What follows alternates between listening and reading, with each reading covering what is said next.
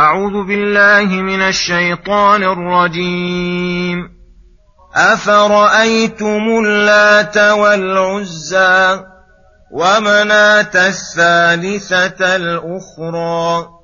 ألكم الذكر وله الأنثى؟ تلك إذا قسمة ضيزى. إن هي إلا أسماء سميتموها أنتم وآباؤكم ما أنزل الله بها من سلطان إن يتبعون إلا الظن وما تهوى الأنفس ولقد جاءهم من ربهم الهدى. أم للإنسان ما تمنى؟ فلله الآخرة والأولى.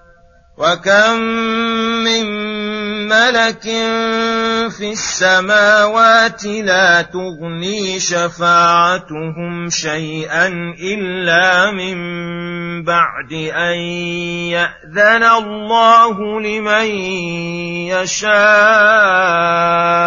ويرضى ان الذين لا يؤمنون بالاخره ليسمون الملائكه تسميه الانثى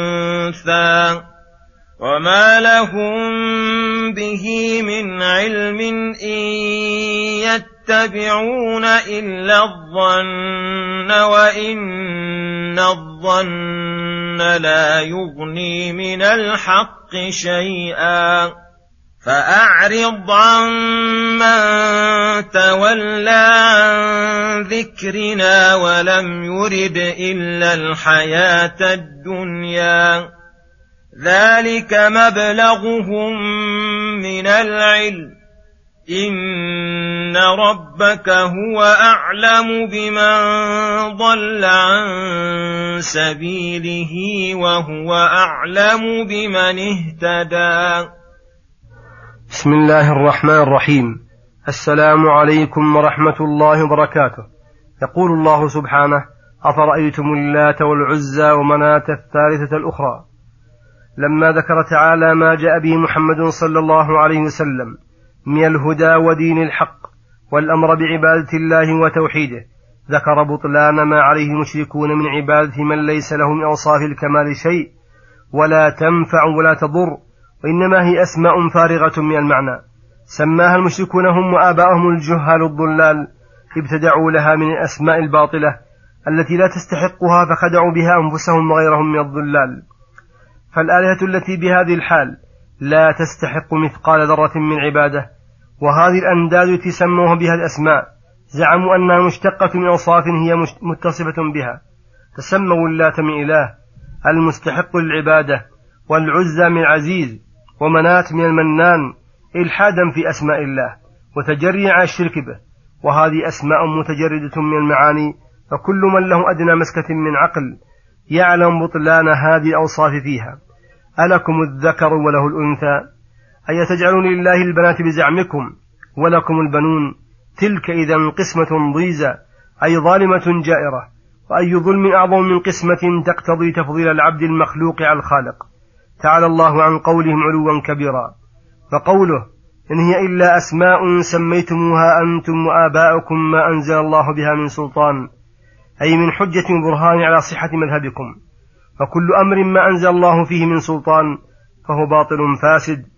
لا يتخذ دينا وهم في أنفسهم ليسوا بمتبعين البرهان يتيقنون به ما ذهبوا إليه وإنما دلهم على قولهم الظن الفاسد والجهل الكاسد وما تهواه أنفسهم من الشرك والبدع الموافقة لأهويتهم والحال أنه لا موجب لهم يقتضي ذلك إلا اتباعهم للظن من فقد العلم والهدى ولهذا قال تعالى ولقد جاءهم من ربهم الهدى الذي يرشدهم في باب التوحيد والنبوة وجميع المطالب التي يحتاج إليها العباد فكلها قد بينها الله أكمل بيان وأوضحه وأدله على المقصود وأقام عليه من أدلة وبراهين ما يوجب لهم ولغيرهم اتباعه فلم يبق لأحد حجة ولا عذر من بعد البيان والبرهان.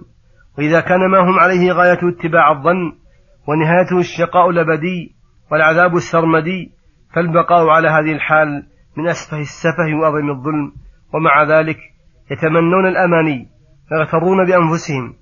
ولهذا أنكر تعالى على من زعم أنه يحصل له ما تمنى وهو كاذب في ذلك فقال أم للإنسان ما تمنى فلله الآخرة والأولى فيعطي منها من يشاء ويمنع من يشاء فليس الأمر تابعا لأمانيهم ولا موافقا لأهوائهم.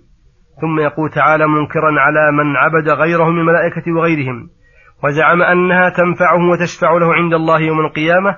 وكم من ملك في السماوات من الملائكة المقربين وكرام الملائكة. لا تغني شفاعتهم شيئا. أي لا تفيد من ادعاها وتعلق بها ورجاها. إلا من بعد أن يأذن الله لمن يشاء ويرضى. أي لا بد من اجتماع الشرطين. إذنه تعالى في الشفاعة ورضاه عن المشفوع له. ومن المعلوم المتقرر أنه لا يقبل من العمل إلا ما كان خالصا لوجه الله موافقا فيه صاحب الشريعة. فالمشركون إذا لا نصيب لهم من شفاعة الشافعين لأنهم سدوا على أنفسهم رحمة أرحم الراحمين. ثم يقول سبحانه إن الذين لا يؤمنون بالآخرة فيسمون الملائكة تسمية الأنثى. يعني أن المشركين بالله المكذبين رسله الذين لا يؤمنون بالآخرة بسبب عدم إيمانهم بالله تعالى تجرأوا على ما تجرأوا عليه من الأقوال والأفعال المحادة لله ولرسوله من قولهم الملائكة بنات الله فلم ينزهوا ربهم عن ولاده ولم يكرموا الملائكة ويجلوهم عن تسميتهم إياهم إناثا والحال أنه ليس لهم بذلك علم لا عن الله ولا عن رسوله ولا دلت على ذلك الفطر والعقول بل العلم كله دال على نقيض قولهم وأن الله منزه عن الأولاد والصاحبة لأنه الواحد الأحد الفرد الصمد الذي لم يلد ولم يولد ولم يكن له كفوا أحد. وأن ملائكة كرام مقربون إلى الله قائمون بخدمته لا يعصون الله ما أمرهم ويفعلون ما يؤمرون. المشركون إنما يتبعون في ذلك القول القبيح وهو الظن الذي لا يغني من الحق شيئا. فإن الحق لا بد فيه من اليقين المستفاد من أدلة البراهين الساطعة. ولما كان هذا دأب, دأب, دأب هؤلاء المذكورين أنهم لا غرض لهم في اتباع الحق وإنما غرضهم مقصودهم ما تهواه نفوسهم أمر الله رسوله بالإعراض عمن تولى عن ذكره الذي هو الذكر الحكيم والقرآن العظيم فأعرض عن العلوم النافعة والمريد إلا الحياة الدنيا فهذا منتهى إرادته. من المعلوم أن العبد لا يعمل إلا للشيء الذي يريده فسعي هؤلاء مقصور على الدنيا ولذاتها وشهواتها كيف حصلت حصلوها وبأي طريق سنحت ابتدروها وبأي طريق سنحت ابتدروها ذلك مبلغهم من العلم أي هذا منتهى علمهم وغايته.